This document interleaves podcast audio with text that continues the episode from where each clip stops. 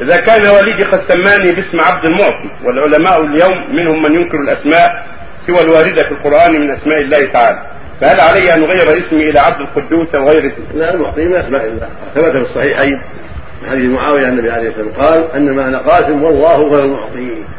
فالمعطي من أسماء الله عبد المعطي لا بأس.